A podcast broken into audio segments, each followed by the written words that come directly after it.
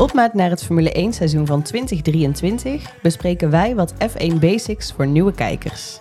Ben je F1 gaan kijken omdat je wel eens wilde weten what the fuss is all about, maar snap je er eigenlijk niks van? Of snap je niet wat er leuk is aan kijken naar auto's die achter elkaar rondjes rijden op een circuit? In deze afleveringen leggen we je de basis uit, zodat je de volgende keer dat je kijkt iets verder op het puntje van je stoel kunt gaan zitten. Welkom bij F1 Pitcast Formule 1 voor beginners. In deze aflevering gaan we dieper in op wie werken er nog meer bij een team. Eerder bespraken we al de coureurs en de teambazen. Mhm. Maar er werken natuurlijk nog veel meer mensen bij eh, zo'n team. Soms zijn dat wel duizend mensen in totaal die betrokken zijn bij een Formule 1 raceteam. Ehm een voorbeeld zijn de monteurs. Ja. Die zijn verantwoordelijk voor het bouwen en onderhouden van de auto. En daarbij heeft iedereen zijn eigen specialisatie van de monteurs in het team. Dus bijvoorbeeld één iemand is gespecialiseerd in de wielophanging, een ander iemand in de neus, een ander iemand in de vleugels. Hoe zou je dat zeggen bij een verjaardagsborrel, hè? hey, ik ben monteur, maar ik doe echt alleen de achterwielophanging. Ja, en een deel van die monteurs die is dan ook betrokken, of ja, die is ook deel van de pitcrew. Dus dat Mhm. zijn de mensen die de pitstops eh, doen. Die krijgen we eigenlijk misschien wel het meest in beeld tijdens Ja. een race. Ja, en daar heb je dan weer geen aparte mensen voor die alleen maar die pitstops doen. Dus Nee. iedereen die daarbij betrokken is, heeft ook een andere functie binnen Mhm. het team. Zo'n eh, team is ook een hele internationale werkomgeving. Er werken veel verschillende nationaliteiten door elkaar. Maar bijvoorbeeld bij een Ferrari zie je dat er wel heel veel monteurs Italiaans eh, zijn. Ja. Ze hebben best wel een eh, heftig leven, die monteurs. Eh, zeker nu de seizoenen langer en langer worden. Dus steeds meer races. Mhm. Want eh, ja, je moet veel reizen. En soms van de ene race naar de andere race is het echt een, in een heel ander werelddeel. Dus je hebt veel jetlags. En tijdens dat raceweekend heb je ook weinig slaap. Want je, je werkt van 's ochtends vroeg tot 's avonds laat. En je hebt natuurlijk te maken met echt een hoge druk. Er zijn wel wat regels eh, bijgekomen. Ik geloof dat vroeger inderdaad eh, er eigenlijk geen ban zat op eh, wanneer ze moesten stoppen met werken. Tegenwoordig is er wel een klok waar op een gegeven moment alle boxen gewoon dicht gaan tijdens een weekend. Eigenlijk ter bescherming van deze mensen. En altijd als je in een kwalificatie bijvoorbeeld een, een coureur ziet crashen. Kijk, hè, voor de tv kan het misschien een beetje spektakel zijn. En jij kan balen omdat jouw coureur misschien achteraan moet starten. Eh, maar voor die jongens denk ik altijd, oh god, ja, die mogen nu dus echt aan de bak om te proberen om die auto toch weer eh, eh, zo klaar te maken dat die zondag toch wel mee kan doen. Nou, dus inderdaad die monteurs heb je, maar er lopen er inderdaad nog meer rond in zo'n team. En dat zijn ook de engineers. Nou, daarvan heb je er ontzettend veel. Want hè, Formule 1 is een sport die gaat om het bouwen van de beste auto. Dus je hebt heel veel mensen nodig die daar inderdaad verstand van hebben om dat te, eh, te ontwerpen, maar ook te blijven ontwikkelen.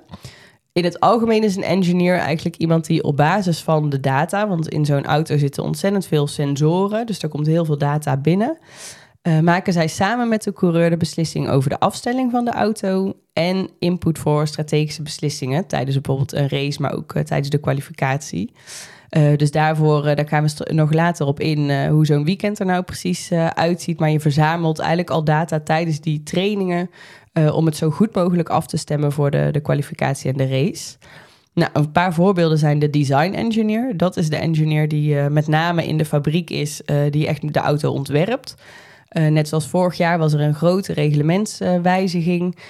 Auto's moesten echt bijna from scratch, zou je kunnen zeggen, ontworpen worden.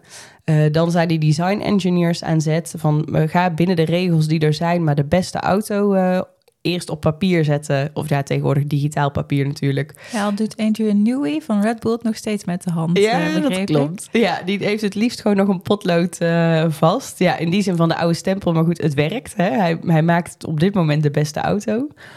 Ehm, nou, dan is die design eh, engineer klaar, kan die auto gebouwd worden. Dan heb je nog een aantal engineers die eigenlijk tijdens een raceweekend heel belangrijk zijn. Bijvoorbeeld de chief engineer trackside. Dat is degene die eh, verantwoordelijk is voor de betrouwbaarheid van de auto, maar ook degene die contact heeft met de wedstrijdleiding. Het kan zijn dat zij tijdens een weekend iets nieuws gaan proberen of misschien een wijziging aan de auto eh, doen voor de setup. Zij moeten dan eigenlijk in contact blijven van is dit nog binnen de regels, uh, kan dit zo wel? Ja, dat gaat dan over het technisch reglement. Ja, van de FIA inderdaad. En ja, je kan begrijpen dat teams daar heel erg op het randje zitten eigenlijk van wat kan en, en mag. Zo bijvoorbeeld zo'n licht mogelijke auto, omdat dat gewoon veel sneller is. Dus uh, daar zoeken ze iedere keer wel een beetje de rand van de regels op. Uh, Zo chief engineer trackside kan de coureur ook nog wat tips geven over zijn rijstijl. Dus dan kan hij bijvoorbeeld aangeven, uh, je moet wat rustiger aan gaan doen, je moet gaan sparen, want bijvoorbeeld je remmen zijn aan het oververhitten of je banden gaan te snel op. Zij zijn eigenlijk degene die die data aan het monitoren zijn en daar tips over geven. Dan heeft iedere coureur een eigen race engineer. GP, misschien wel de bekendste van Max Verstappen, Giampiero. Uh, dat is ook degene die in principe alleen communiceert met de coureur tijdens een race. Uh, nou heel soms hoor je ook nog wel eens een teambaas wat zeggen, maar eigenlijk is het altijd de race engineer. dus ook de, de input van de andere engineers wordt eigenlijk via die persoon aan de coureur doorgegeven.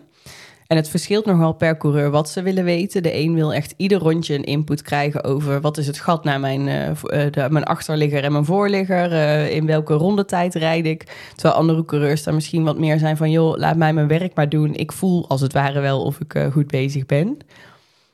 en een andere engineer die we nog willen uitlichten is de performance engineer. Zij zijn degene die op de telemetrie van de auto letten. En op basis daarvan kunnen zij dan weer de tips geven, met name voor de afstelling uh, van de auto. Die dus zo van belang is voor de kwalificatie, voor je snelste rondje, maar ook uh, uiteindelijk voor de race. En er zijn een aantal dingetjes in de auto die echt tijdens het rijden nog kunnen worden gewijzigd. Soms zelfs per bocht kunnen verschillen. Denk aan een rembalans.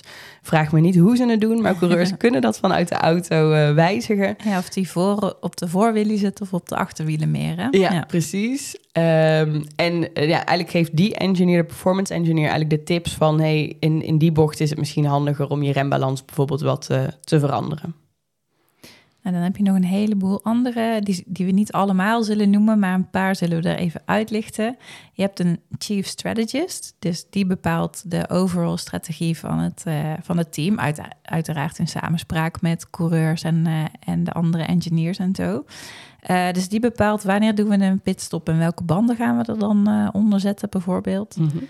Je hebt een sporting director. Die heeft contact met de wedstrijdleiding over het sportief reglement. Dus de, ja. de spelregels tijdens de race eigenlijk. Maar die maakt ook de call voor de monteurs als er een pitstop aankomt. Dus dat de monteurs naar buiten moeten rennen met de banden. Mm -hmm. Je hebt een heleboel uh, PR-mensen. Ieder team heeft volgens mij allemaal videografen en mm. fotografen ja. meelopen.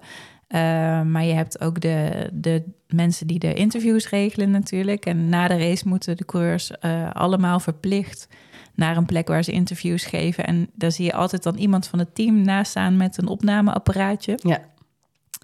Uh, je hebt mensen van de hospitality, dus die de catering doen voor het hele team en voor de gasten van het team. Mm -hmm. Je hebt chauffeurs die de trucks rijden met alle spullen van, uh, van race naar race.